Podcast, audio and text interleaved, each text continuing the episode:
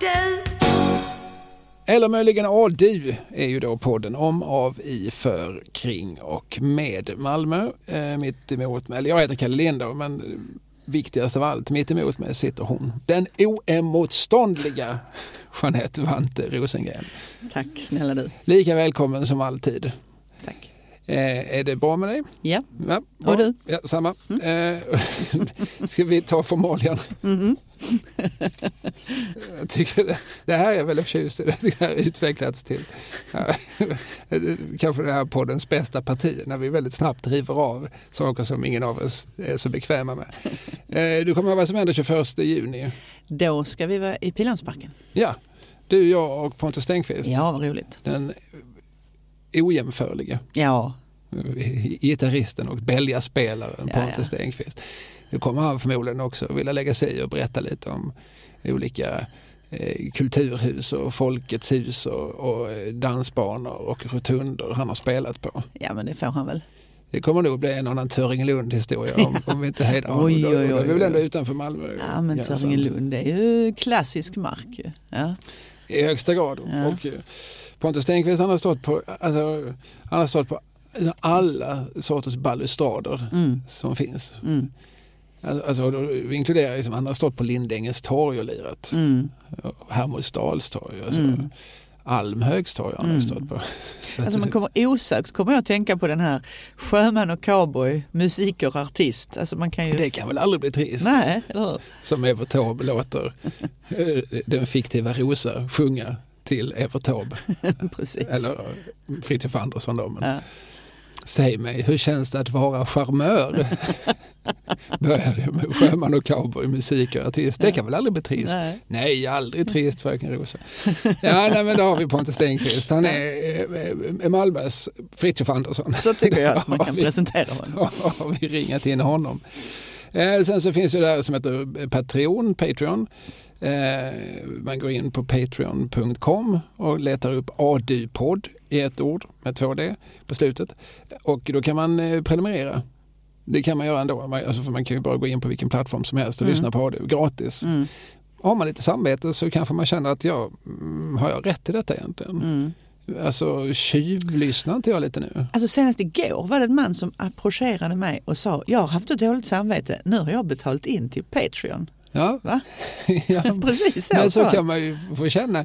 Alltså, ja, du vet, vi lever i den här nya sköna världen med liksom där informationen vill bli fri. Mm. Informationen är numera fri i Mm. bemärkelsen eh, gratis. Det vill Mm. säga de som gör kultur har allt svårare att försörja sig på den. Mm. Ja, man får inleda olika samarbeten. Vi skulle kunna ha något samarbete med någon, Mm. någon eh, nu, alltså, hälsa mig väl ta det som typ strumpfabriken eller Doffeln eller Kockum. Ja, precis. Men de finns ju inte. de- Det är så himla, himla svårt att samarbeta med en nedlagd fabrik. Vi pratar ju mest om gamla saker så det är ju svårt liksom. Ja, precis. Så det har till och med Stippes lagt ner. Ja, Annars hade vi kunnat ta ett samarbete med Stippes. Ja. Det hade varit någonting. Alltså, det hade varit någonting. ja, det presenteras i samarbete med Stippes. Va? Vi tar den blå vägen hem. så hade vi fått varsin ungersk på fredagen. Ja, i alla fall någonting. Men hur som helst, vi har inga samarbeten. Vi gör det här på, på liksom egen ficka så att säga. Så att eh, vill man så får man gärna liksom stötta på patreon.com. Eh, tycker man att det där är krångligt och bökigt och eh, att också lite suspekt sådär, liksom, vem är det egentligen? Alltså där med Patreon. Mm. Alltså vi får såklart en slant men är det också något sorts multinationellt eh, konglomerat, någon sorts eh, sån här big ones. Som Sitter och sitter stoppar fickorna fulla med guld någonstans. Ja, på 130 våningen i, som i Chicago Mm. eller något. Om man, om man tänker att det är så, jag har ingen aning. Jag vet inte alls vem som äger Patreon. Det kanske är några jättef- jättefina killar i Tanumshede. Mm. Men eh, hur som helst så kan man swisha oss istället. Eh, Mm. 123 052 1088. 123 052 1088. Då sätts pengarna in på Kalle Lind Kulturarbete AB och så får Vante sin beskärda del Mm. av slanten. Fint. Det var formalien. Idag vill du prata gubbar. Jag vill verkligen understryka att det är du som vill prata gubbar. Ja men det, det, är, det är som när du säger Vante har sagt att vi ska prata porr och Vante vill prata gubbar. Ja, men porr, porr kanske jag... Det, mm, där, där, mm, där, där kanske jag inte hade täckning när jag sa att, att, att, att det bara var du som ville Nej, men jag, jag, jag är med på det alltså, absolut. Men, det, men i det här fallet det var det ju som föreslog. Sen Ja. så ska jag också säga att jag sa ju inte nej. Nej, nej, nej. Nej, men jag pratar väldigt gärna gubbar. Men innan dess så tänkte jag bara eh, läsa upp ett, eh, ett litet sms som jag har fått Jaså? från en före, med anledning av avsnittet om hamnen som vi gjorde Just det. härom sistens. Och då är det den före detta stuveriarbetaren Jörgen som skriver. Mhm. Och då skriver han så här. Ehm, på den korta tid, alltså han jobbade då 1988 som hamnarbetare i en vecka. Mm. Ja. På den- fem dagar. På den korta tid, tiden hann jag i arla morgonstund bära och asa runt fruset smör och kartonger med äpplen i fartygens lastutrymmen, inhandla av hamnfacket godkända skyddsskor med inbyggd stålhätta för att skona tårna vid olycka, trampa på ett rostigt spik som gick rakt igenom den ej stålförstärkta sulan och dra på mig en sträckt ryggmuskel som lyckligtvis avslutade min karriär som stuveriarbetare. Men han hann inte få något hamnnamn på den veckan. och då, då skriver han också att mina kollegor var tystlåtna och inte ekelundskt spirituellt bunnit sanningssägande med talande öknamn. Nej. Nej. Nej, han, men han, han skrev också att han Men han var spanade. där bara en vecka så jag, jag tror... eh, Jag, jag, inte- jag litar inte på det. Det är klart att han hade... Hade han stannat en vecka till hade han fått sitt eget hamnnamn. Det tror jag också. I, I paritet med fåraknölan. Ja. och det kanske är en, en ledtråd här. Han spanade konstant efter ludna taranteller eftersom han hade hört att de skulle följa med i den sydamerikanska lasten. Så jag tror att han hade fått heta Tarantellan. Så kan det ha varit ja. Så kan det ha varit. Alltså taranteller då i bananlådor och sådär. Ja, precis, ja. Det minns jag från Bengt av Klintbergs första samling med sådana här eh, Urban Legends. Mm. Den som heter Råttan i pizzan. Eh, Där finns ju, den, finns ju många historier om saker som följt med bananlådor hem. Och det är mycket sådär också familjer som, åh vilken söt hund, den smugglar vi hem och sen är det en råtta. Och så. Det är mycket den sortens historier. Ja. Men det, visst, det kan väl rent principiellt, eh, det har säkert följt med en annan tarantella över, över Atlanten genom, genom åren. Det kan det ha gjort faktiskt. När Nisse tänkt sjöman bli och seglat till Jamaica och Mm. köpte bananparti så har liksom, det kommit med en spindel hem. Ja. Jag har också Ja. faktiskt lite eh, korrespondens. Mm. Eh, Tobias Jonsson Boström som numera då är patron. Eh, så att då, då har man ju VIP-kanal till, till oss. Snyggt. Mm. Han vill bara komma med en liten parentes om ett ämne kring Malmö som ligger honom varmt om hjärtat. Så skriver han, idag 27 april 2023 är det nämligen på dagen 50 år sedan den sista spårvagnen på linje 4 till Limhamn och Sibbarp rullade i Malmö. Mm. Ordinarie kanske bör tilläggas. Vi har ju museispår, spårvagnen, Mm. spårvägen sedan 87. Mm. Lite sorgligt enligt mig, alltså enligt Tobias, som dock föddes nästan tio år efter att den sista vagnen rullat. Och kanske främst äldre malmöiter som växte upp med spårvagnarna och gärna hade haft dem kvar. Tyvärr levde de på nåder efter att linje 1 lagts ner i samband med dagen H. Mm. Vilken var nu dagen H? Ja, men är det högeromläggningen, alltså trafik? Ja, och är det första september 67? Mm. Eller det första eller tredje? Det är september 67 i alla fall. Mm. Eh, Och i princip hade avvecklingen pågått ända sedan 1936 då linje 2 lades ner och ersattes av busstrafik i centrum. Kommande år lades fler linjer ner och ersattes med buss. Personligen tycker jag att spårvägen borde fått vara kvar och byggts ut så att Malmö kanske än idag haft spårväg precis som Göteborg och Norrköping. Mm. Mm. Och numera Lund. Just det. Eh, Och även Stockholm har ju faktiskt en, en spårvagn som går mellan, mellan NK och Cecilia Hagen. Är det så? Hon kallar dem för NK-expressen. Ja, det, den går nästan precis fram till alltså, huset där Jonathan Unge är uppvuxen. Ja, ja. Eh, perfekt för Cecilia om hon, om hon till exempel vill ta sig till NK, vilket jag tror har hänt. Det kan vara så, ja. Ja. Eh, Ja, men spårvagn, det kan ju vara en... Ja, jag, jag skulle vilja undersöka ett, som ett sånt där gammalt rykte som också skulle kunna vara en urban legend eller en, en faktoid. Men, men att när man la ner spårvagnarna definitivt i Malmö att man absolut inte sålde själva spårvagnarna till exempel till Göteborg eller Norrköping utan att man brände dem. Att man Mhm. ordnade ett jättemassivt bål. Och bara gjorde av med skiten. Jaha. Och jag kan tänka mig att det var inte ens ett särskilt, särskilt trevligt bål som man bjöd in allmänheten till utan bara på typ eh, spillepengen och så Ja. nu bränner vi möget Jaha. så går vi vidare. Det har jag hört och det Mm. skulle jag vilja få Ah. undersökt om det Mm. stämmer. Men det är ju det är sånt som det hade liksom inte förvånat mig om det var sant. Så att säga. Nej men just det. Och jag vet ju att eh, i, i spårvagnens tidiga barndom och eh, det var ju även med både spårvagnsvagnar och tågvagnar som när man då bytte ut dem så vet jag att det var många som hade dem i sina kolonilotter. Så man, kunde liksom gå in och sätta sig och alltså på något sätt istället för att bygga en stuga så kunde man få en liten Ja, ja, ja. vagn transporterad dit. Mm. ja, det är väl trevligt. Det påminner lite grann om en bekant till mig som har byggt ett cirkusvagnshotell. Ja, just precis. Och, och till en del av de vagnarna så har han ju använt just tågvagnar som han har köpt från, från Polen och Mm. baxat hit på, på olika strapatsrika vis. Min, min gode vän Valle Westesson, han är ju inte rädd för utmaningar. Nej, det är ju en renässansmänniska. ja, ja, det är han ju också, men, men eh, framförallt eh, jag undrar liksom, eh, vilken diagnos han inte har. Nåväl, eh, det, var det, det var det som var formalian och Mm. publikkontakten och hela det där. Mm. det där. Nu kan vi liksom koncentrera oss på det som vi är här för, nämligen att prata farbröder. Gubbar med skägg. Ja. Ja. Ja, men gubbar med skägg, eh, Åke Arenhill, Per Olin och sen så gissar jag att Jan Hemmel kommer att komma med på ett litet hörn. Ja men det är ju en, en stark trio som samarbetade på många sätt i många år. Ja, och som gjorde saker, även, eh, kanske ännu fler saker utan varann. Mm. Men, men, eh, ja, som någonstans, eh, liksom, ja, det, det här är liksom en del av Malmökulturen, vad ska vi säga, från 50-tal till 90-tal i Mm. Ja, fall. Absolut. Mm.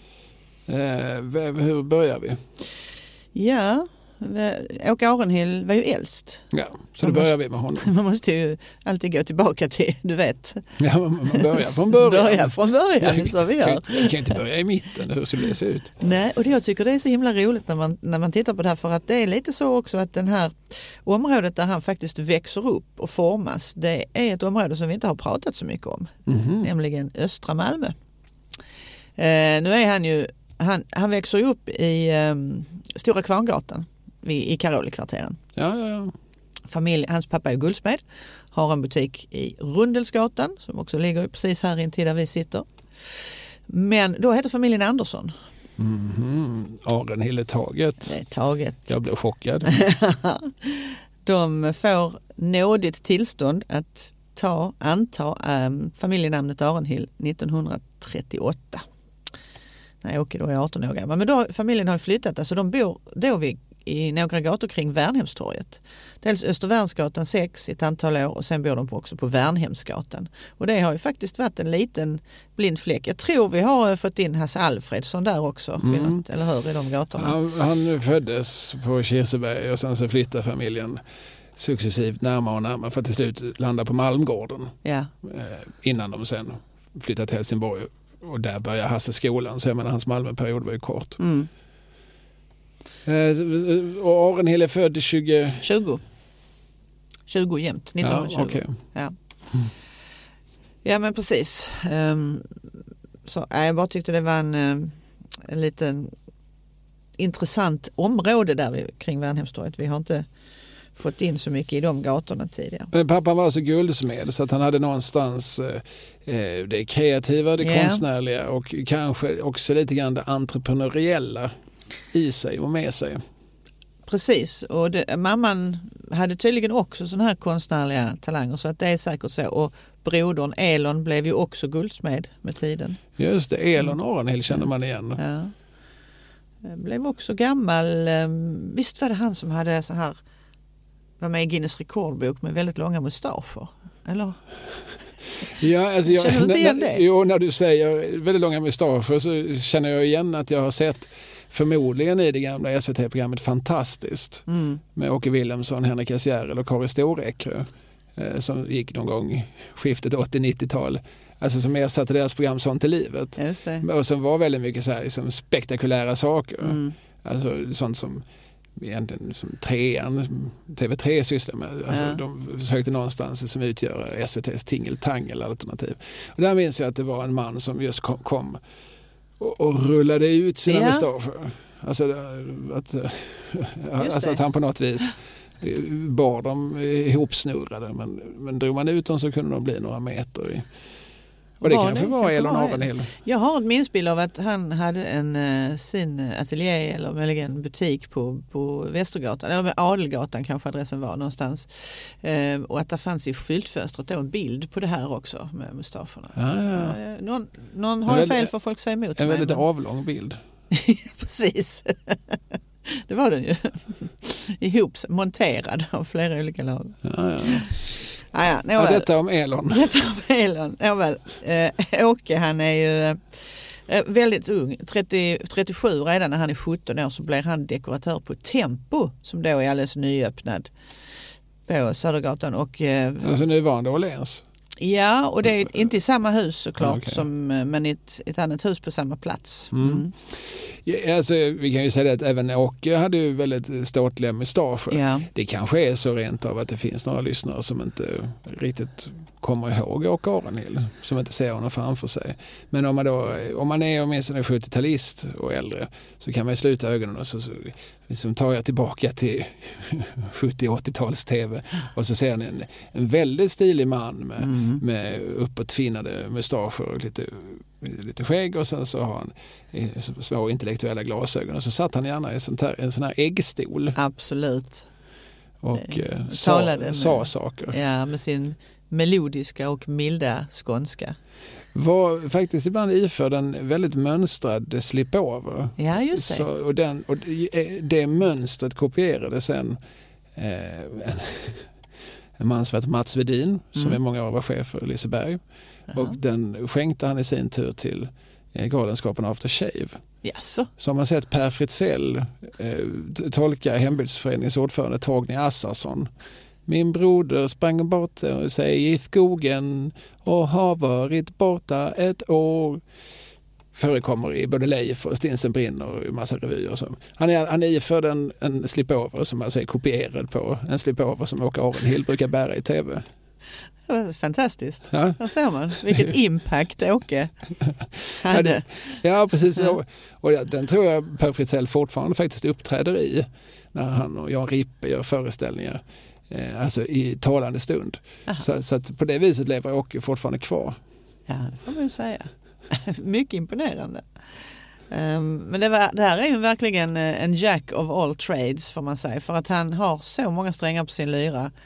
Han är ju då med det här dekoratör, scenograf, han blir konstnär, han blir författare, han blir radiopratare, han blir tv-personlighet. Alltså, det finns ju inte något medium som han inte är med i genom sitt liv. Nej, alltså sätt. där kan vi verkligen prata renässansmänniska. Mm. Som, och det är några generationer, alltså 20-30-talister som har det så. Alltså det där gäller ju, får man väl säga också, liksom för Hasse och Tage eller Beppe Wolger. Så här, vi kan göra vad vi vill. Mm. Det finns ju ingen som hindrar oss. Vi kan väl komponera eller så målar vi väl en tavla eller så Precis. gör vi väl en film. Eller vi kan väl göra en ballett. Ja. ja, men det är ju underbart härlig. Slas, Lars Forssell, Ja. Per Rådström, Ja. alla, liksom hela den generationen. Mm. Alltså, jag skulle säga att sådana finns väl fortfarande folk som drivs framåt av rastlöshet och nyfikenhet. Men, men, jag tänker mig, jag ser framför mig att den generationen hade det särskilt väl uppkattat för sig. Mm. att, för, att, för att det var ganska självklart. Var, jag tror inte man behövde liksom fundera så mycket hos sig själv. Men, men kan jag verkligen? Nej. Vem är jag? Ska jag ge mig på det här? Det fanns så mycket liksom obetrampad mark också. Liksom när liksom, tvn är ny Ja. på 50-talet och, och radion är ny som underhållningsmedium på 40-talet. Precis. Alltså, ja, man kan, det är ingen som vet hur det ska göras så det kan jag väl lika väl som någon annan. Det är bara att kliva in och så ta kommandot och så kalla på sina vänner liksom och så Mm. gör man någonting trevligt, stimulant, stimulant heter det? som stimulerar. Mm. Men han, han jobbar ju mycket med, det är mycket kläd, alltså butiker i början då. Det är ju det här Tempo, sen är det Carlsson som är en herrklädes, känd herrklädesaffär vid Gustav Adolfs torg. Och sen är det Olssons hörna. Ja, Olssons hörna är det jag förknippar honom med. Mm. Det, det är nog det som brukar liksom stå om Arenhill. Att han, att han gjorde. Eh, att det var där han var när han, alltså, där hade han sin fasta tjänst när han så småningom sen började göra andra saker. Men precis, han började ju som illustratör och reklamtecknare där och sen så blev han ju faktiskt vice vd också med tid och stunder. Jag fattar inte riktigt när man tittar på de här åren han gör olika saker så under tiden han ändå var vice vd på ett stort, stor liksom ja, den här fantastiskt stora och fina och välrenommerade butiken, modevaruhuset, då gör han ju hur mycket annat som helst parallellt med detta också. Mm. Samtidigt då så ringer ju den här, eh, som jag har nu glömt namnet på, som, som är eh, ansvarig utgivare gissar jag på Femina i Helsingborg och har sett en, en, en annons från Olssons va? Och, och vill ha tag på den som har tecknat den för han tänkte att den här ska ju kunna illustrera vår nya serie Läslustan i, i Femina då, tidningen. Och eh, kommer, kommer i telefon då får han tag på Åke Arenhill som ju var vice det. Nej men jag vill inte prata med dig, jag vill bara ha kontakt med den som har gjort illustrationen. Ja men det är ju jag, säger Åke Arenhill. Och sen så utvecklar de ett samarbete och så illustrerar han till Femina i en herrans massa år. Mm. Så han hann med. Han hade kanske ett dygn med fler timmar än vi andra, vad vet jag. Ja, och sen var det också mycket med den generationens män att de inte kanske tog samma fulla ansvar för barnen som, bara för att ta ett exempel, jag har gjort. Nej, precis. Ett exempel så gott som Ja, något. men det var det Ja. exemplet som råkar ligga top of mind. Ja, men så är det såklart. Eh, nu tror jag inte han, han var ju gift två gånger Åke och i första äktenskapet är jag inte riktigt säker på att de hade några barn men det kom ju senare. Mm. Absolut. Eh, visst är det så. Och sen, jag ska säga det också att han, han byter ju område i staden. Han flyttar till friluftsstaden när han gifter sig med sin första hustru, 40-talet. Mm. Södra Klockspelsvägen. Är Bara så vi kan eh, pinpointa Ja, på vår stora Malmökarta var. Och då är vi ju, alltså, vad, heter han, Erik Sigfrid Persson, Mm. som vi har pratat om i ett specialavsnitt. Eh, han, eh, han är ju där, det är han som har ritat för Friluftsdagen. Mm, precis. Och eh, vi, vi är nu alltså vid Eriks Lust. lust. Precis. och, Gamla KB. ja, för så småningom, vet, alltså, sen, för sen hamnar han ju i Ribershus. Mm, precis. Där, där bor han när, när jag kommer till stan och hör talas om att där bor Åke Arenhill. Mm. Att, och att han hade ateljé uppe i, som i penthouset högst uppe. Jag tror bredvid Torbjörn Flykt om, som kanske till och med har sin kvar.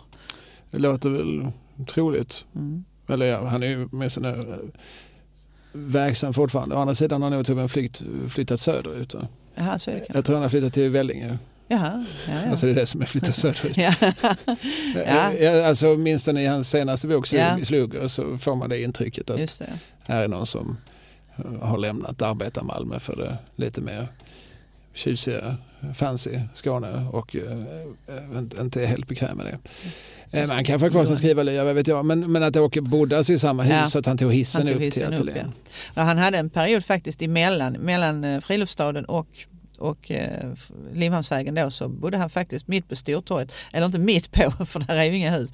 Men i hörnet Eh, alltså just det hörnet där Olssons hörna en gång låg. Ja, ja. Det gamla stor, storstadshörnet som man kallar det. Med, eh, ritat. Är, är det alltså där gågatan börjar? Precis, om man står med Stortorget i ryggen så är det huset på höger sida. Alltså där ligger väl en, en eh, möbelaffär idag också i bottenvåningen tror jag. Ja precis, och han, eh, Mio kanske. Eller så, så kanske det är nu, Greg Dingsjan, han, Ja. det var där han startade sin, sin vegorestaurang för 20 år sedan. Precis, just det. Meaning Green hette den så? Ja, heter den. Eh, ja, nej, men så eh, Åke Arenhill han är all over the place. Just det. Ja men det är han och han... eh, det, det, det, man skulle så gärna vilja att de här tre herrarna som du nu har nämnt träffades i Malmö. Men det gör de ju inte utan Nej. deras öden vävs ihop i Lund Ja, ja, ja. mm. Eh, i början på 50-talet. Då. ja det var ju tråkigt att höra. Ja, jag är ledsen för det. Jag skulle vilja kunna ändra historien men det har jag inte kunnat göra. Ja, vi kan ju inte gärna räkna in Lund i Malmö. Det, Nej, det är lite... går ju inte. Men man kan bara lite snabbt säga att det var Lilla Teatern i Lund som var stället där de alla träffades. Mm. Ja. Mm. Betydelsefull, alltså den, den finns väl inte kvar va? Men, men den låg på Stortorget. Åtminstone när jag var ung låg den där. Ja, jag tror, alltså, i den här um, historien så låg den på något som heter Bangatan, alltså mitt över centralstationen. Bangatan, är det 10? Ja, ett ja. hus som sen revs alltså. Ja, jag känner igen det. Här. Ja. Vindsvåning då. Och där, eh, precis. Och Hemmel regisserar Ja. och de andra är ju då mer dekoratörer och scenografer. Precis och han, Hemel är väl först där och sen så kommer Åke Arnhild dit för att han, en av hans reklamtecknerskor eller eh, texterskor på Olssons är med i Lilla Teatern och han tycker det här verkar så intressant så han följer med henne dit vid ett tillfälle och sen så blir han ju fast och jobbar med det och så får han ju också så får han sällskap av Perolin Mm. lite senare. Mm. Och det är ju intressant, det är ju tre män med skägg Mm. så, som alla är, är, mångsysslare men som, som har, det är pennan, alltså Mm. pen, pennan och penseln, som, Mm. som, alltså inte den skrivande pennan utan den målande pennan, den ritande pennan som är liksom första verktyget för dem alla tre tror jag. Mm. Eh, Jan Hemmel, vi kanske går han, händelserna i förväg, men hans pappa Sven Hemmel var ju, var ju illustratör.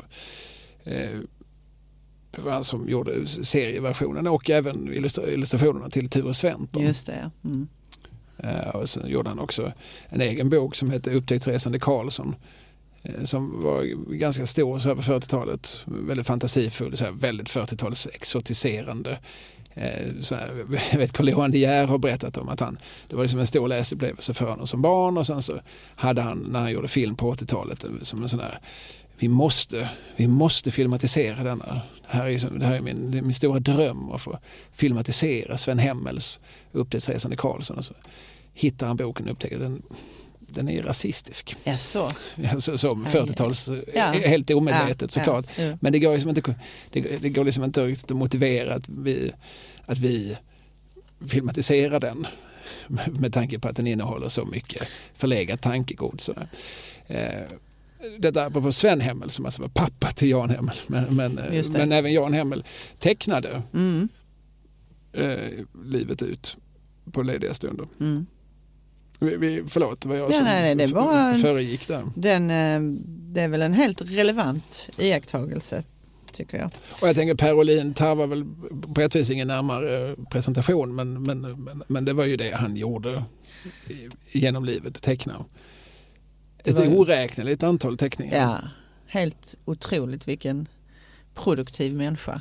Jag tror att, de, att vi kommer upp i kanske sex, sex sjusiffriga antal teckningar. Med tanke på hur många liksom, filmceller Ja. som han själv suttit och ritat. Sina animerade filmer och ja. Ja, och jag tror aldrig Per Olin tackar nej till ett jobb. Nej det verkar inte så. Han, har, han har ju till och med illustrerat ett bokomslag till mig. Det har han. Ja. Vilket är det? Boken heter I farzonen Aha. och handlar om mitt pappaskap. Ja, ja. Bilden föreställer mig och mina tre söner. Snyggt.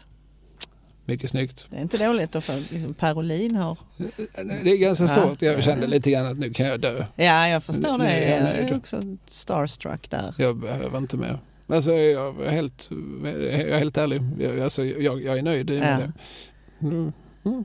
Ja, ja, men, det, det kanske inte blir något Nobelpris men Per Olin har illustrerat Ja. min bok så jag, jag vet faktiskt inte vad som smäller högst. Som sagt, nu tackar han ju aldrig nej till ett uppdrag. Så att, han hade tackat ja till vem som helst som frågar. Men jag frågade. Ja precis. Ja men det är fint. Mm. Mm. Och Per gick ju bort här för några veckor sedan. Eh, I hög ålder får man ju säga, han var ju över 90. Han var född 30, eh, Ja, 31, precis 31. som Hasse Alfredson. Ja.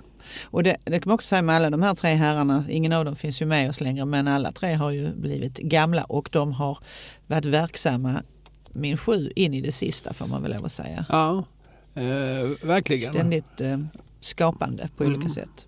Per fick ju de sista åren eh, problem med sin syn och hade svårt att teckna mål och sådär men eh, Mm.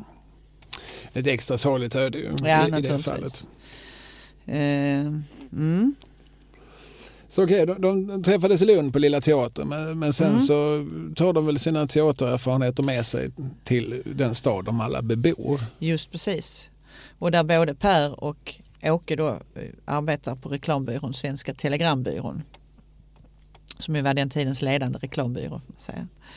Eh, absolut, så, och det, det finns ju en, en eh, lite rolig historia där när, när eh, Per han eh, ja, men han kommer ju, han är ju inte från Malmö då. Utan han, Han är från Småland va? Ja, precis. Han bodde utanför Växjö. I, eh, där. Och han, det finns ett, jag tog med ett citat här där han i, i filmen som heter I huvudet på Per Olin va?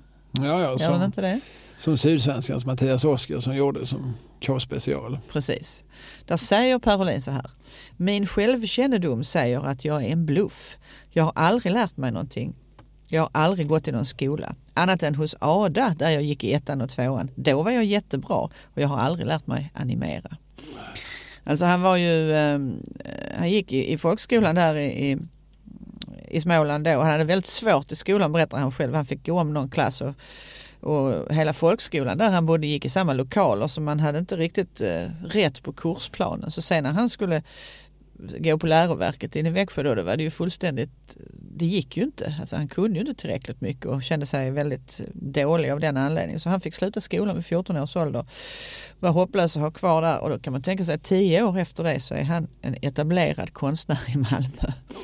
Eh, lumpen däremellan, då bedömde de, om mycket märkligt nog så bedömde de att han var färgblind. Mhm. Men ett test man gjorde som var sådär statiskt och så han var ju inte alls det och det hade ju naturligtvis haft stor, stora konsekvenser för hans yrke men, men eh, ja, så kunde det vara. liksom.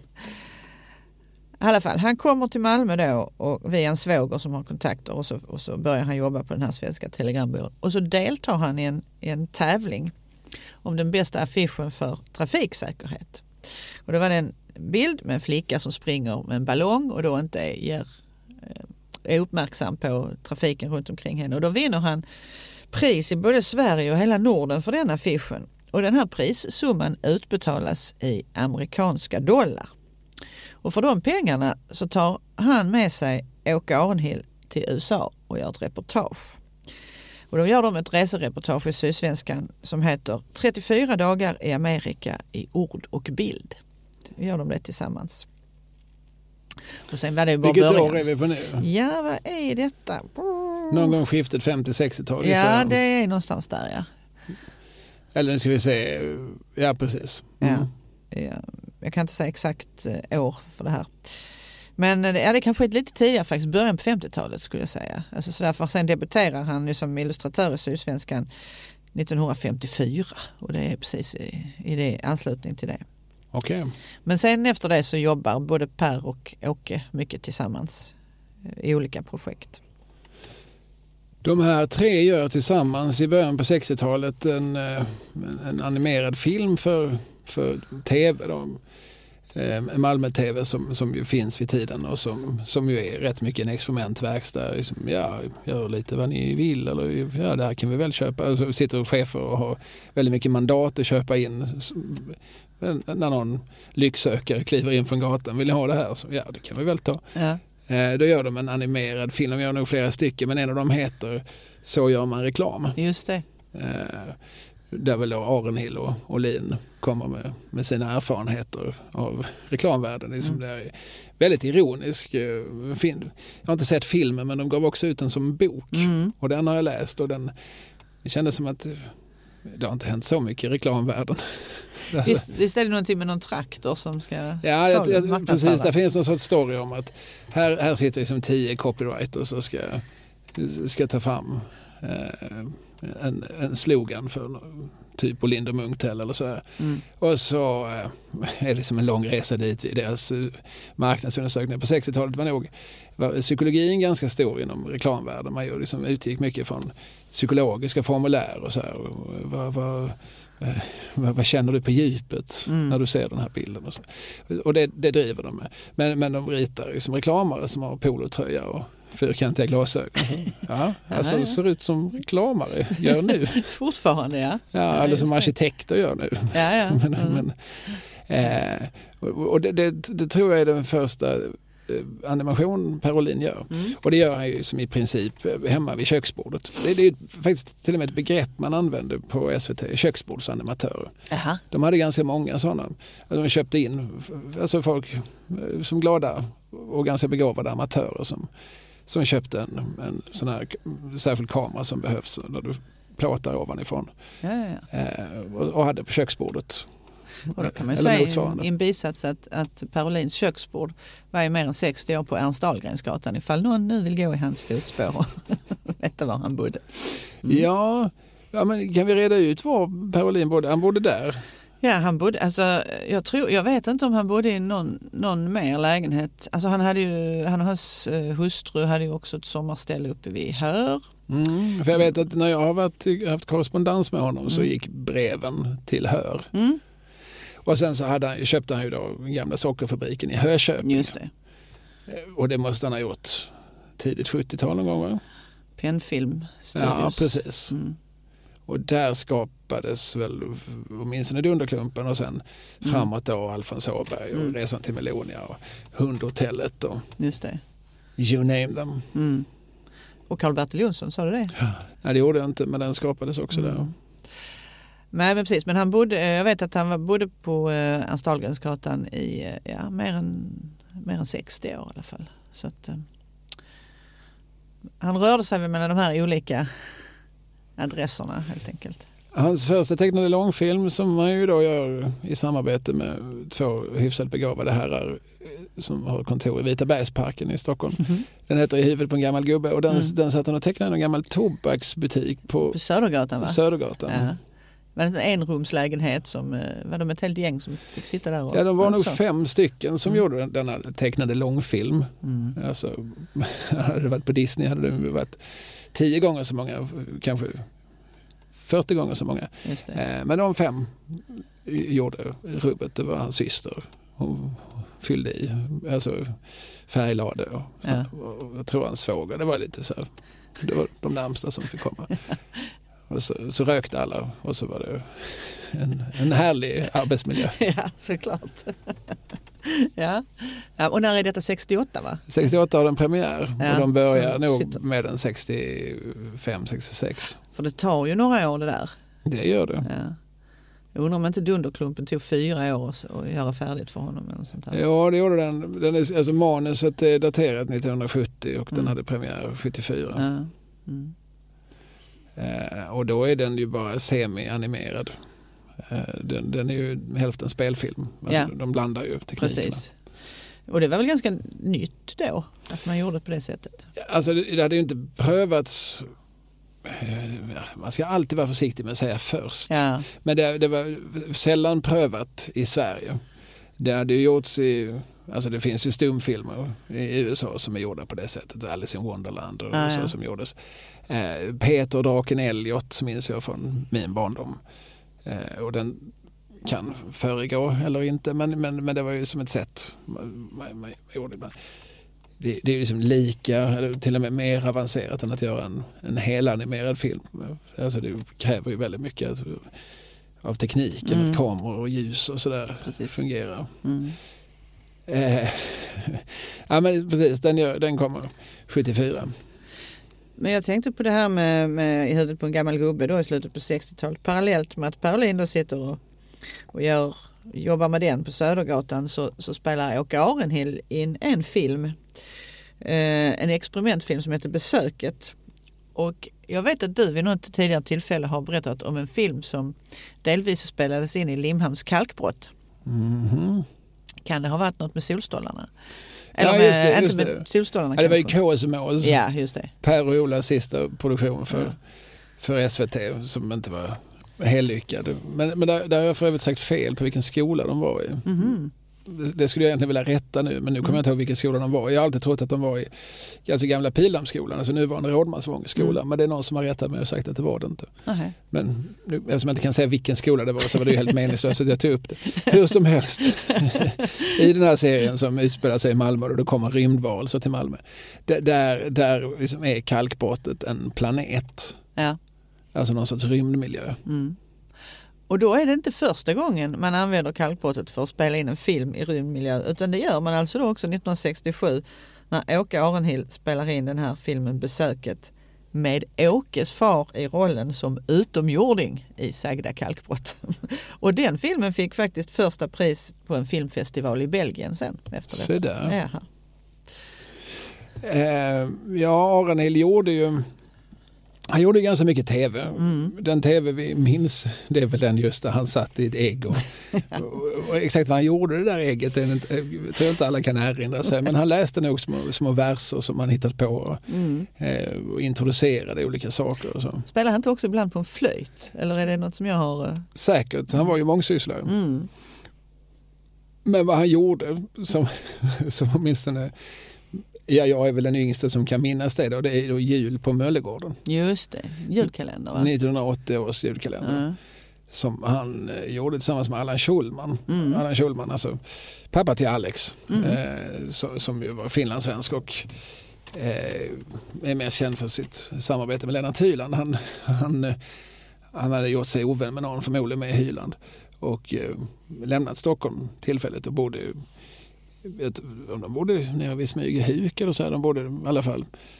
Han hade ju också skaffat en ny betydligt yngre hustru och Mm. eh, nya barn. Mm. Eh, Så att han, det kanske han också ville lämna. Hur som helst, han flyttade från Stockholm, från, från mitten ut i periferin eh, och bodde där några år. Och var väldigt angelägen om att det skulle göras en julkalender som visade liksom gamla traditioner, hur julen har sett ut genom historien och, och sådär. Och då blev Åke Arenhild den som, som gjorde den här. Han spelar själv med i den i rollen som Mm. Gåramålaren. Just det. Mm. Eh, Jag har sett några avsnitt av den. Mm. Den, den kommer aldrig att repriseras. Är du säker? Ja, minns det avsnittet jag letade upp och tittade på, där, där, som idag handlar om en, en julslakt. Oj. Och där vi ju så får se, de kan, vi får, kanske inte ser när han sticker kniven i grisen, men vi får se när de borstar grisen och tvättar grisen. Och det är också så att, att för att det här ska bli lite, lite kul då att titta på, så spelar, överspelar får vi nog säga, eh, slaktar, mannen som spelar slaktaren, han, han är så väldigt sugen på en sup. Och sen vill han gärna ha en sup till och sen så till slut så raglar han runt. Det här var alltså en julkalender 1908, 1980 som visar som en full slaktare. och vi förstår att han, att han nu, nu, nu tar vi grisen, vi hör grisen skrika och sådär. Och så, och så. Det kanske inte är så mycket blodstänk men sen så, ja, här kom det, nu har vi korv. Eh, väldigt eh, pedagogiskt. Och väldigt naturalistiskt Ja. liksom, får man ändå säga också. Och det, det var Arenhild som höll i pennan och som också figurerade i, i berättelsen. Eh, minne- jag var ju fem år gammal då, men jag, jag har liksom någon sorts minnesbild av att min, min mor tyckte det var, inte, inte att det var fel för barnögon men att det var för jävla tradig. Ja, det var tradigt. Ja. Ja, Ja, det hände inte så mycket. Nej, det var stillastående. Ja, ja. Och, och så hade det också lite, lite poetiskt anslag. Så här, så nu ska vi tillbaka till gamla tider. Och då, då skulle det plötsligt bli lite, lite långsamt och lite... Ja. Så redan 1980 så sa min mor att äh, den här, den här, det här var inte så kul. Nej, nej. nej, det gick inte att, att, mät, det gick inte att jämföra med trolltider eller något annat. Som här som hade gått året Ja. innan och som, som, som ju också om man tittar på det idag är väldigt långsamt. Ja. Det är många barn som inte hade stått pall för, för, för trolltider. Men, men, men, men där det ju liksom händer ändå någon sorts spännande saker. Mm. Och, det är som en fantasivärld och en sagovärld. Men det där har ju sett olika ut i olika år, mm. julkalendrarna. De blir ju oftast inte klassiker, så kan man Nej. säga. Nej, det är få som... Och Jul på Möllegården brukar sällan lyftas fram av någon som, som deras favorit. Lika, lika lite som Rulle på Rullseröd. Den ja, Den minns du? man ju. Den tror jag var absolut. 75. För den var ju också likadan, så här, Mm. alltså, inte likadan men det var samma idé att eh, vi ska visa liksom, den gammeldags julen och den gammeldags julen då ska vi ut på landet och det skulle vara halm och spiltor och, det. eh, och barn som, Mm. som tindrar. Nåväl, Ja, det- Detta apropå, ja, det, det var ju ett av Arenhills verk. Kanske Ja. det verk som har betytt mest för mig av det, av det Arenhild gjorde.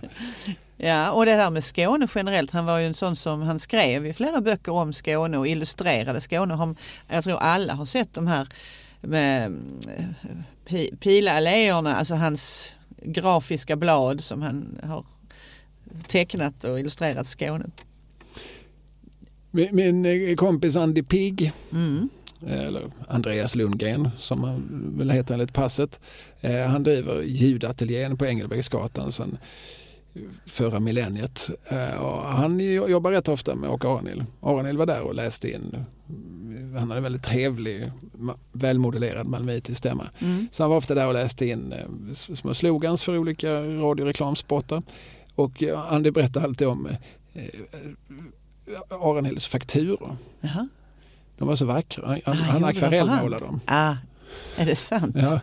Vilket är så är lite synd för man kan inte sätta dem på väggen för de ska ju in i en pärm sen de ska skickas till. och sådär. Ja precis. Så varje gång så hade man ju velat liksom sätta den på väggen. Men, Ja. Men det, är också, alltså, det, det säger förmodligen någonting om en människa som är just, alltså, är, man är alltid i någon sorts skapande flow. Mm. Och man skapar för att man måste och för att man vill och inte för att, inte nödvändigtvis för att visa upp sig. Nej, just det. Men för att man, det är det man gör. Och det är ju, som konstnär är han ju faktiskt, han hade ju otroligt många utställningar genom åren eh, och ställde ut ibland tillsammans med sin dotter också. Men som formgivare kanske han är lite mindre känd. Vet du att han har formgivit Treotuben? Nej, Men det är Åke Arenhild. alltså det klassiska, röret. Ja, röret liksom. med Ringarna och så står det Treo. Ja, nej, men som sagt, eh, någon sorts, eh, någon sorts geni. Nej, eh, det, det är fascinerande med de här människorna som, som inte känner begränsningar på det sättet. Eh, ganska vanligt just att man liksom kommer från en sorts bildseende. Jag associerar Mm. till, nu har det ingenting med Skåne eller Malmö att göra, men Yngve Gamlin Mm. har du väl koll på som, som ju fanns på 60-talet som gjorde massor med saker. Han gjorde Dels dök han upp själv och var rolig gubbe i tv och sådär i Skäggen-programmen och Kyland. Och, eh, och så gjorde han en massa filmer som var väldigt experimentella och nyskapande och sådär. Hitta på, han jobbade mycket med liksom metaplan och sånt långt innan det var, det var som etablerat.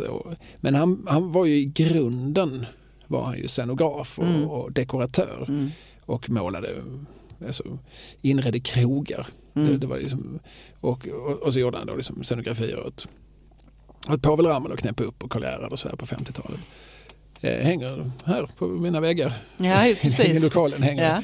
en scenbild Yngve Gamlin gjorde åt Karl Gerhard i hans revy Kråkslottet. Eh, men, men, ja, men det är ju just det, så att det, det är någonting jag tror att liksom de utgår från sitt bildseende. Mm. Att det, är- det, det är liksom basen väldigt mycket i det Mm. de sen eh, tar sig an. Mm. Eh, vilken gubbe är vi på nu? Ja, det är lite olika. Men det är, Vi, vi, ju vi Åke- kliver mellan dem. Ja, vi kliver mellan dem. Men äh, Åke Arnhild, men jag tycker också man kan, han, det var det är inte bara penseln utan han, han jobbar ju också med orden. Jag tänker på att han, en sån sak som att han översatte texter också. Till exempel Bridge over troubled water, Just det. Simon Garfunkels stora hit. Gjorde han till Som en bro över mörka vatten. Som man får räkna till en av Tommy Körbergs påfallande få hittar. Ja, under liksom en karriär som sträcker sig från 66 till nu. Så har, har, det är inte så många Tommy Körberg-låtar man kan nämna. Liksom, Det är ju Stad i ljus och Mm. Anthem och Mm. Drömmen om Elin och mm. eh, Judy min vän. Mm. Och sen är det den Fattigbondren kanske. Ja, Men det. jag menar, det är relativt få med tanke på att han har sjungit varje dag sedan dess. ja. Och sjungit allt och Ja. gjort, gjort säkert hundra plattor. Eh, det är min eh, bekant Silas Bäckström som, som var eh, producent av diverse saker, i synnerhet av krogshower, Mm. inte minst på Kronprinsen på 70-talet. Det var han som beställde den här översättningen av Åke Arenhild. Jaha, det var så. Han, ja, men han hade väldigt gott förtroende för Arenhild. Att han, var, han, var en sån som le, han var en sån som levererade, sa du. Pålitlig. Och höll tiden, så vitt jag Ja. har förstått också, med deadlines och sådär. Ja. ja, men den kom liksom från det hållet. Alltså, det, ja, men det här med att han var, vice vd på Olssons och så här, det, det gjorde ju att han någonstans liksom, uppenbarligen också fick som en sorts respekt för systemet. Mm. Alltså man har jobbat som, som reklamare så det, och det är man också i en process där liksom ganska många människor ska liksom tycka och tänka och då man ibland måste liksom gå tillbaka till ritbordet och börja om från början. Och, eh, det, det, tror jag som också skapar en sorts psyke som inte är det här sköra konstnärspsyket att det måste vara på mitt sätt och det måste vara när inspirationens blixt slår mig. Eh, och jag ska sitta med mitt tummade vaxdukshäfte på restaurang Prinsen och, och vänta på inspiration. Ta in, fröken, ta in två karaffer rött ja. så att inspirationen kan börja verka.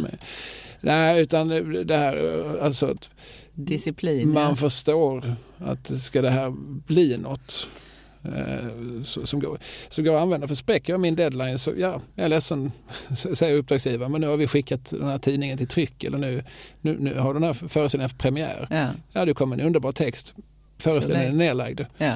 Men, så det, det, det, det är inte oviktigt att kunna respektera sånt som deadlines. Och, och, och, att vara en del av ett liksom, lite större system. Alltså, du, du, kan liksom inte alltid liksom häva din röst på just det sätt som du föreställer dig.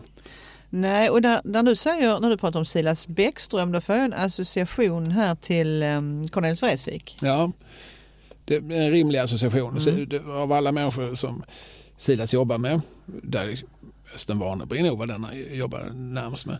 Men så är det ju Cornelis han har den största respekten för. Han har liksom också varit, sen Cornelis dog 87 så är det ju Silas som har varit liksom ansvarig för Cornelis-stipendiet som delas ut årligen. Och kanske är det då Silas som engagerade Åke Arnhild för det var ju också han som gjorde scenografin till det här Cornelis-museet eller vad det kallas. Jag vet inte vad det heter. Ja, det är numera nedlagt, men, ja. alltså det som då är Gamla stan. Ja, precis. Ja, men det är med all säkerhet Silas. Ja.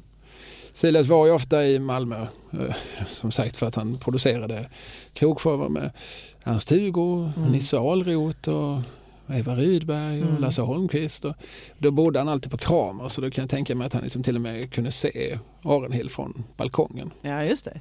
Mm. De stod på varsin balkong där och vinkade till varandra. Ja, ja, de, kanske, ja de kanske hade en sån telefonmugg med snöre. Det kanske så beställningarna gick till. men vem vet? Nej, Silas vet ju, men, men jag, jag, skulle kunna ringa och fråga, men jag gör inte det. För jag vill gärna att den här bilden ska implanteras i de som lyssnar. Ja. Alltså Arenhill, en ja. mångsysslande man mm. och så, som ju också då alltså alldeles uppenbart hade någon sorts förbindelse med, med som tv-huset på, på Jägersro och sådär. Mm. Mycket tidigt, ja precis. Kunde göra lite grann va. Han ville, ja precis innan det ens låg på Jägersro, mm. när det fortfarande låg och var en del av, av radiohuset på Balsarsgatan. Redan då hade han uh, uppdrag för dem. Mm. Precis.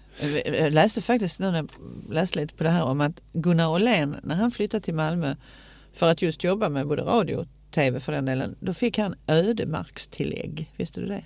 Nej. Han fick extra pengar därför att han satt ju så långt från Stockholm.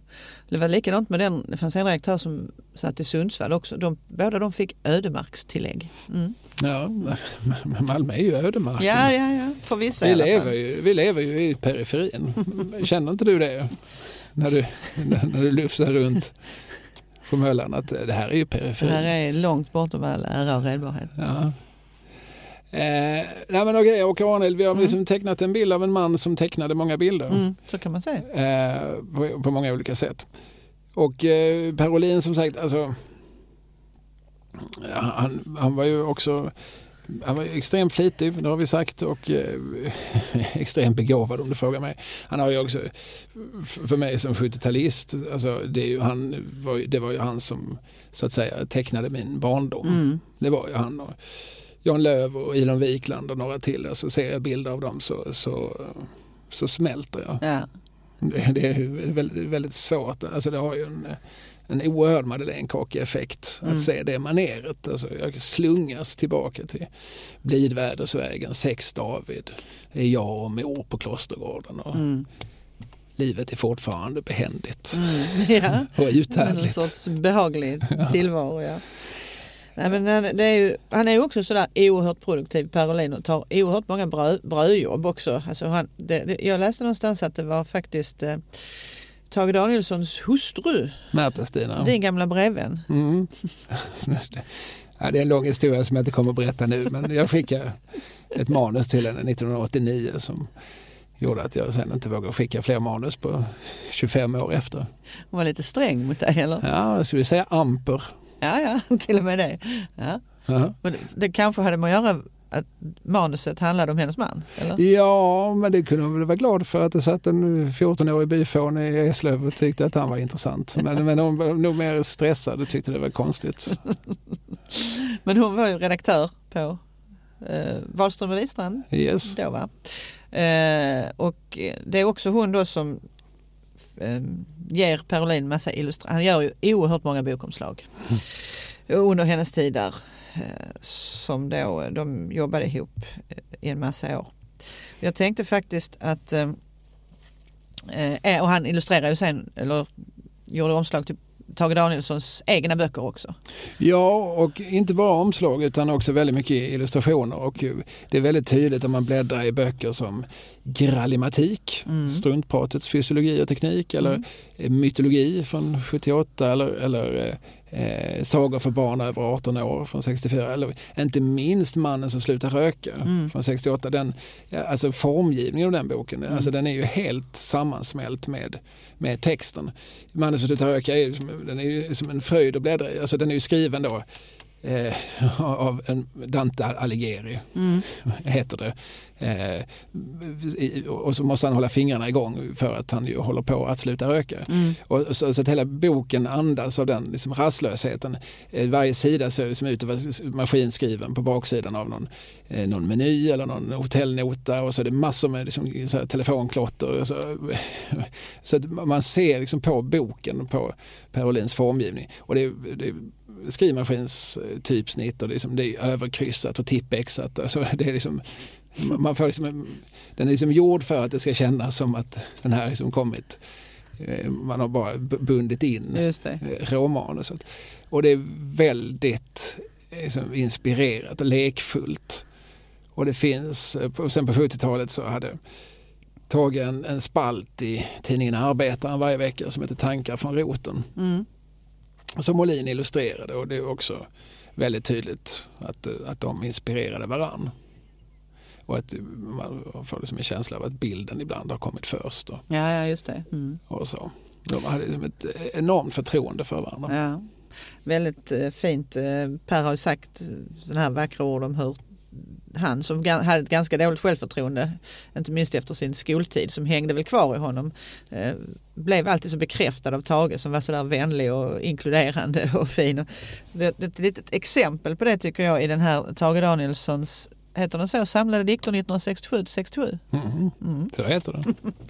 Där skriver Tage i en liten, detta här kan du naturligtvis utan till. Eh, men den heter Stiltje, själva dikten. Och då skriver han så här. Det gives stunder då ens musa liksom inte vill, då andens rikes produktion av högre konst står still. För dagen är det driftstopp i mitt snilles diktmaskin. Istället visas här en bild på den av Per Olin. Mm. Och så är där då en, en, en bild där Tage Danielssons ansikte ser ut som en skrivmaskin som liksom valsen finns med och ja. Ja, precis. Det, och det är så, så väldigt mycket samarbete ut. Jag gissar att Tage skrev den, skickar. Nu får du illustrera detta. Ja. visst. Och den här i huvudet på en gammal gubbe, det är ju också processen sån att eh, vad Hasse och Tage skriver det är ju i princip ett synopsis. Alltså det är inte ett manus Mm. egentligen med, med repliker och så här. Så skickar de det till Olin och sen tre år senare kommer han upp och visar resultatet. Alltså i princip så går det till. Han, gör, han, han kommer upp några gånger i mellantiden och liksom håller dem uppdaterade men, men de ger honom liksom fullt förtroende. Mm. Det är alltså Hasse och Tages samarbete med Per Olin börjar redan med eh, Hasse och Tages första långfilm som heter Svenska bilder som Mm. kommer 64 och där de har en vision om att förtexterna ska utgöras av ett demonstrationståg. Och eftersom de har många visioner, många idéer så säger SF att det har vi inte råd med. Vi kan inte ha liksom flera tusen statister för att bära runt på, på skyltar där det står Margareta Krook och Birgitta Andersson. Det funkar inte. Men, men vi kanske kan lösa det på något annat sätt. Och då blir det liksom Per Olin som gör en enkel men effektiv animation. Så där inleds ett samarbete som sen ju sträcker sig över decennier. Och han gör även scenografi till, till deras fiasko eh, revy på Oscars, eh, Spade Madame. Mm, mm. Men det är mycket krinolinklänningar Mm. och liksom så här gamla ståtliga överste uniformer och, och sådär. Och kostymerna ritar han också. Och vad han framförallt gör för dem, alltså bortsett från samarbeten som Karl-Bertil Jonsson eller att Hasse dyker upp och gör röster i både Hundhotellet och Resan till Miljonia, det är ju Picassos äventyr Mm. Som så där det dels finns animationsinslag där det också finns en, en eh, ballett, den som spårar ur när de äter för mycket blomkål. Mhm. Men det är ju Per Olin som har gjort eh, dekor och kläder. Mm. Han har också gjort de här liksom fantastiska glasmålningarna som gör att de kan förvandla Stora torget Tomelilla till världens alla städer. Just det. Alltså man sänkte, man, man gör alltså, I fonden har man en glasmålning där han har ritat lite hus och så står det Paris 1899 och, och sen så, så, så, så kan man liksom från samma vinkel, Ja. från samma torg göra eh, New York och Paris och Madrid och, Rivieran. Och sen så är det som olika här detaljer att i varje miljö så finns det en tjockis och en smalis och ibland är de gangstrar och ibland är de tjurfäktare. Det är Per Olin som har gjort och sen är det också han som har målat alla Picasso-tavlor i filmen. ja, just det. Och det var samma sak där att de sa Per du kan vi göra några Picasso-tavlor. Mm. Och sen så kommer han med en, som en Volvo fullastad med här är 200 Picasso-tavlor. Ja. men vad bra. Geni. Då, då, och var- var med det är liksom kopior men de flesta är ju liksom i Picassos anda. Ja, just det. Och det där var ju lite knepigt sen för de kunde de inte gärna de var liksom tvungna att göra, av, göra sig av med dem sen för att det blev ju konstförfalskning. Just det. Eh, Det kan man ju först bli straffad för. Ja, precis. Att, jag tror att de var tvungna att bränna dem som var, som var liksom, kopior. Nu gör man väl en ny eh, inspelning? Ja, nej, det gör man inte. Det är ju konstnären Peter Johansson. Han har ju ett jätteprojekt i Tomelilla Ja. eh, som heter Peter Picasso. Aha. Inspirerat av Picassos äventyr. eh, Där han har gjort nya små Picassos stumfilmsketcher och eh, det är olika projekt. Han har samlat hundra Picasso på Stora torg i Tomelilla för en liten film. Och, Ja. eh, och han har liksom bygger om liksom, stora delar av centrala Tomelilla, biten mellan Hasse Tage-museet och torget. Ja, det är krypavstånd alltså, men, Ja. men det är ändå ett stort byggprojekt Mm. där med en vägg där det ska finnas olika små gluggar där du kan stå och titta och se olika Picasso-filmer. Och jag är såklart värvad att göra något. Ska skriva någon text och Ja, jag ska jag hålla något föredrag. Och så. Mm. Han är väldigt bra på att få folk att jobba för honom, Mhm. eh, Peter Johansson. Mm. Eh, någon sorts geni. Eh, så att ja, men det, den lever kvar i någon mån, filmen. Mm. Mm. Eh, så att eh, Per Olins och eh, Hasse Tages samarbete, det, som, det finns ju så sent som 2004 så gör ju då Hasse och Per en, eh, serie, tecknad serie för Dagens Nyheter som heter Familjen Grus. Mm. Och det är väl deras sista samarbete. Mm. Men det är ju, det är ju sent i livet, då är de ju 73 bägge två. Mm. Just det. Mm. Och det är, ja, det är inte det bästa någon av dem har gjort men, men, men själva grundidén är ju liksom att familjen Grus har liksom varit de som ja, de har liksom på olika vis påverkat historien. Det är som helt grus i maskineriet. Just det. Eh, Så att det var liksom, Det blev inte som det skulle. nej, utan det blev så här istället och det var alltid en grus som, som påverkar skeendet. Som, eh, som råkar lägga den där lappen från biskop Brask. Där det ska, eller så. Mm. Det är det som är upplägget. Mm. Jag har inte läst den så noga. Ja, Men jag den står här i hyllan. Ja, jag skulle precis säga det. Tror inte annat. Nej, nej, nej. nej. Ja. Eh, nej, men, men sen så gör ju, han har ju andra samarbeten. Alltså Dunderklumpen är ju Beppe Wolgers och eh, sen gör han ju Gunilla Bergströms Alfons Åberg eh, ett par omgångar eh, för, för barn-tv. Och sen så gör han ju många sådana här vignetter som vi vi minns. De här på flygande mattan, Mm. draken och mannen med slickepinnen. Som ju också ja, visar den för mig och så, så faller jag i gråt. Mm. Ja, ja, ja. Ja, vart tog min barndom vägen? Ja, Var det precis. så här det skulle bli? Här sitter man nu och är gammal och hårig.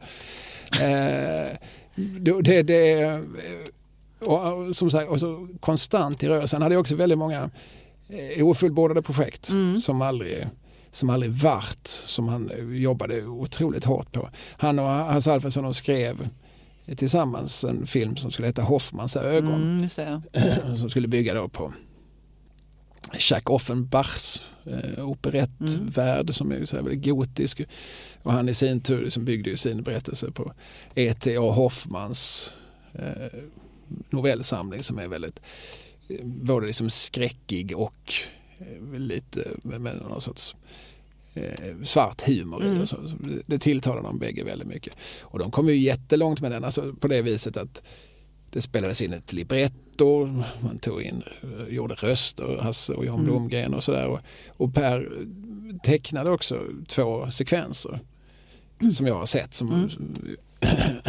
jag, jag var med när han visade på Panora för några år sedan. Eh, men sen, sen hände liksom någonting i Stockholm då, alltså med Filminstitutet med finansiering och nya konsulenter som nej, det är inte vi så intresserade av. Kan du inte göra någonting annat Mm. om, du, om du prompt ska göra något? Mm. Mm. Och så får han börja. Så att det finns en, en ganska tjock bok om honom som heter Per Olin. Den kanske heter någonting med. Ja, Av Elisabeth Lysander. Sander, ja precis. Ja. Och där finns många, man förstår det, många filmer som kommit en ganska bra bit. Det blåser på månen av. Eric Linklater. Mm. Vill han till exempel eh, filmatisera. Och jag läste häromdagen någon historia om nå- någon som hade pratat med honom om det. För Eric Linklater skrev en annan en annan sån här liksom fantasifull äventyrsroman som kan heta Sötvattenspirater. Mm, det är mycket möjligt. Var någon som hade sagt till Parolin, jag tycker egentligen den här andra boken är mycket bättre. Och, så hade Parolin sagt, ja det, jag håller med. Men, men eh, det saknas inte berättelser med, med pojkar i huvudrollerna. I, i Det blåser på månen är det två systrar som, Mm. som är huvudpersoner. Så att han, ja, en man född 31 hade ändå med sig det Aha. perspektivet. Mm. Just det. Men eh, inte för inte som han jobbar mycket med Hasse och Tage. Det är samma humanistiska anda. Är, Mm. tror jag. Och, Jag vill tro det. ja. Eh, Jan Hemmel har vi, som, har vi liksom tecknat Parolins Mm. som långa det var ju en man som i likhet med Picasso mest ägnade sig åt att teckna. Mm. Han kan inte, jag, tror, jag har svårt att tänka mig att han en dag i livet inte drog ett streck. Nej, det har jag också svårt att tro. Att han vaknade och sa nej idag så låter vi pennan vila. det, tror, jag- det tror jag liksom inte riktigt hände. Nej, Och jag tror också jag tror att han är barnlös. Va? Jag tror att han, Ja. precis, som, precis som Jan Lööf för övrigt, Mm. eh, som, nej, det är liksom lite fascinerande att två av dem som skapade min som barndoms bildvärld själva inte egentligen hade någon närmare relation till barn. nej just precis. Eh, Jan Hemmel Ja, jag kan vi få med här på slutet. Ja. Ja, men det, för, det, för det är väl kanske det mest obskyra av de här namnen. Eh, men han, han var ju också liksom någonstans en, en mångsysslare. Men vad han framförallt gjorde, alltså han var väl på SVT, han var väl fast anställd regissör på SVT. Mm. SVT Malmö, det var han och Rune Formare som, Mm. som var det tror jag. Eh, och, så, och i perioder i alla fall så var ju Max Lundgren och Bo Sköld också anställda som manusförfattare. Mm. Det var ju, de lyfte en lön och, Mm. och förväntade sig som producera ja, en viss mängd tv-dramatik per år. Så ser det inte ut nu kan jag säga. Nej, av nej. erfarenhet. Nej, just det. jag tror i, i Sverige idag finns två fast anställda manusförfattare. Ja, ja. Det ena är på anagram och det andra är på typ Jarowski. Ja. Som faktiskt har en, ja men de, vi har varsin person här som, som uppbär lön för att De producerar sådant som vi kommer att se på tv sen helt enkelt. Ja, men annars är det ju som ett typiskt frilansyrke. Men jag läste någonstans om Jan, Helmen, alltså när han började då, när tv var nytt, då fick han en tre dagars kurs, en tre dagars utbildning i det nya mediet tv. Ja. Sen var man fullärd. Ja, sen, sen kunde han väl göra tv, sen får det bli trial and error. Ja, precis. Och det blev det ju väldigt hög grad. Men han, han gjorde ju mycket, te, alltså mycket sån tv vi minns från 80-talet som vi har nämnt här, Skånska mord. Ja, ja, ja. var ju Jan Hemmel eh, dels huvudregissör för men också initiativtagare till. Ja. Det är han som är runt och kör i Skåne och kommer på det. Man passerar Bessinge och Mm. Yngsjö. Så. Mycket som har hänt här. Ja. Eh, Där kanske man ska göra tv av. Ja. Hans Stugård kanske ska vara med. Ja. Ska vi ringa Max och be honom skriva? Ja. Så skrev Max Lundgren och Jan Hemmel regisserade väl åtminstone Nå- några av dem. Så fanns även Richard Hobert, han gjorde väl Mm. någon av dem. Eh, och sen så gjorde han någon serie som heter Torntuppen minns jag. Med Mhm. Ingvar Hirdwall om jag minns rätt. Mm. Som är lätt att blanda ihop med Kejsaren av Portugalien. Jaha. Som Ingvar Hirdwall också spelar Ja, huvudrollen ja, i som kom i samma veva tror jag. Mm. Torntuppen bygger nog på Jan Fridegård. Mm. Eh, Men han gjorde, alltså minns man Malmöbaserad tv-dramatik från 70 och 80-talen så är risken 50-procentig att Jan Hemmel eh, var den som höll i klappan. Precis. Och sen många, my- my- mycket av det här blev sen, gjorde han om till böcker i efterhand. Som Skånska mord gjorde han till exempel. Och det är inte allt för länge sedan ska sägas heller. Nej, det är, ju- det är ju på 2000-talet. Ja, precis. Som det blev eh, rikligt illustrerade eh, verk kring detta. Och sen så var han ju också knuten till, alltså, så som tv såg ut för, för liksom 30 år sedan. Och så här. Eh, Jan Guillou kom till Malmö för att göra eh, magasinet som blev Rekordmagasinet. Och då eh, var det lite att det fanns liksom, liksom lite fast anställda, så här, liksom lite konstnärssjälar. Det var inte bara Jan Hemmel, det var även Ebbe Gilbe och Kristoffer Barnekow Mm. Eh, som knöts till den redaktionen. det är roligt här. Jan Guillou kom ju ner liksom med uppkavlade armar för nu skulle han liksom göra muckraking, skjutjärnsjournalistik. Nu skulle han liksom avslöja systemet och så sitter det som tre poeter på hans redaktion som, som vill ju må, må, må, måla fram sina reportage och vara, vara lite, lite filosofiska, gärna liksom så här långsam speaker och så. Ja. Liksom olika sorters temperament kan man Ja. säga. Eh, Men Jan Hemmel gjorde ju bland annat det liksom fantastiska reportage med, med, med punkarna, Malmöpunkarna. Ja, ja. De som, du tycker det är punk, men det är inte punk. De bråkar om vad som är punk och, olika saker man kan ha i håret. Räksallad, bara det, bara det är äckligt. Finns på Youtube. Eh, storartad, storartad underhållning. ja.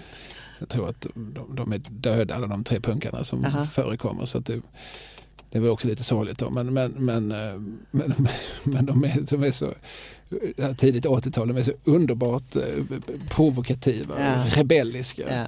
Och man ser hela tiden, som, jag tror det är filmat på konsthallen och så, här, och man ser hela tiden i bakgrunden eh, olika representanter för det ordnade Malmö som, Mm. som går förbi med mycket förfärade min och tittar på deras, deras underliga frisyrer Nej, och precis. Skinnklädslar. och sånt där. Va? Mm. Mm. Håliga byxor. Ja. Ja usch, usch ja. Det behöver vi inte prata mer om. Nej men, men eh, så, ja, Jan Hemmel han eh, tämligen obesjungen hjälte. Ja. Det finns eh, eh, väldigt lite skrivet om honom. Jag är inte säker på att jag läste en intervju med honom. Jag, jag hann träffa honom några gånger. Han, eh, jag tror att det var förlaget Ros och Tegnér som Mm. gav ut den här skånska ja, det var det. och de, etab de etableras 2008 och där gav jag ut en massa böcker. Eh, och där, då kom Hemmel ibland lufsande. Han illustrerar lite, lite böcker och så skrev han den här då. Mm. Kom ofta förbi och ville ha ett gäng friex. Mm. Eh, ja, men, så att det har liksom funnits människor och finns ju fortfarande människor i Malmö som har producerat eh, kultur som, Mm. som har liksom nått hela landet och som kanske har, har liksom levt kvar längre här och varit liksom viktigare här. Men, men, men alla de här gjorde ju saker som man såg på från Ystad till Haparanda. Definitivt. Absolut. Så det, det var liksom tre, tre män med skägg. Vet vi när Jan Hemmel föddes? Har du det Ja, uppskrivet? han är född 19, eller var född 1933, dog 2017. Ja. Och eh, vi kan väl för ordningens skull säga då att han var inte Malmöbo från början. Han var Nej, från Askersund faktiskt. så pass. Ja, och sen bodde han i Lund eh, ganska länge. Men sen när han flyttade till Malmö så bodde han eh, först i Limhamn och sen på Mjölnagatan och sen så på Stora Nygatan faktiskt. Och vi kan väl också nämna, för visst var han eh, liksom involverad i Stadsteatern på 50-talet, Ja, alltså regissör. under Bergman-tiden. Det var han, han var regissör på Malmö Stadsteater då. Ja, och började nog som regiassistent Ja. rent av åt Bergman. Ja. För det finns någon sån också historia från, från Hasse Alfredsons Lund, alltså 50-tals Lund, när de, när de sätter upp om det är rent av Djingis khan eller så. Eh, Eller, någon av de produktioner som Lundaspexarna gjorde sig skyldiga till på 50-talet så, är de liksom så kaxiga att de skriver till Malmö Stadsteater frågar kan inte Bergman komma hit och regissera? Och, och Bergman tar liksom det, den kulturyttringen ändå på så stort allvar att han säger att nej det har jag fan inte tid med men jag skickar min regiassistent. Så att eh, Jan Hemmel övervakar någon av dem om, om det var kanske då 58 års spex, Dr. Ja, Knaustus, så, ja, ja. eller, som inte var ett spex utan ett pjäx eftersom det var tjejer i ensemblen. Ja. Eh, för man kan ju inte ha tjejer i ett spex. Nej, Hur skulle det se ut? goes without saying. ja, precis.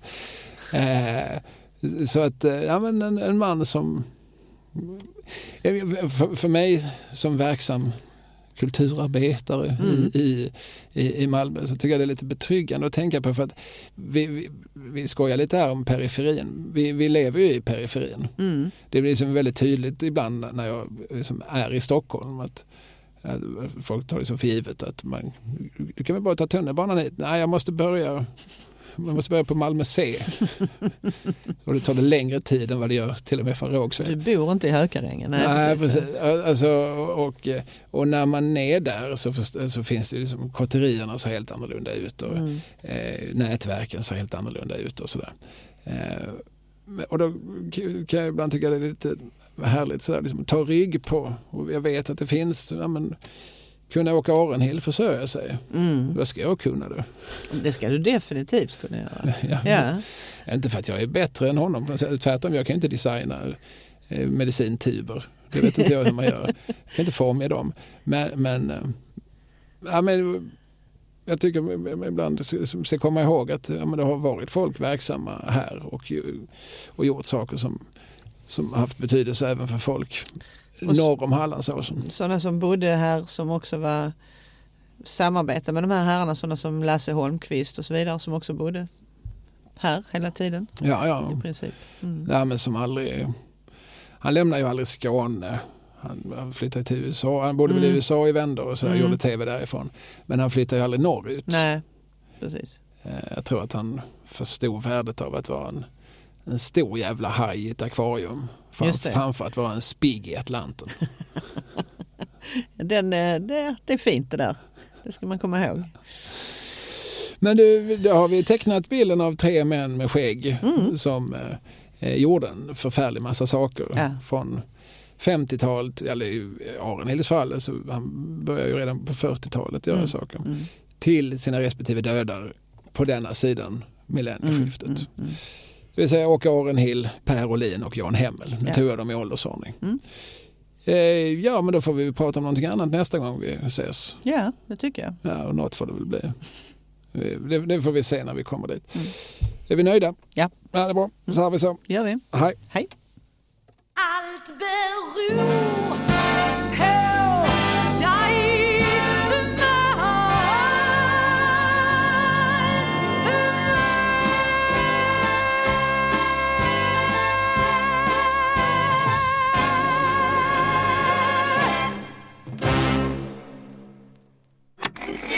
Programutsändningen presenterades av Kalle Lind, kulturarbete AB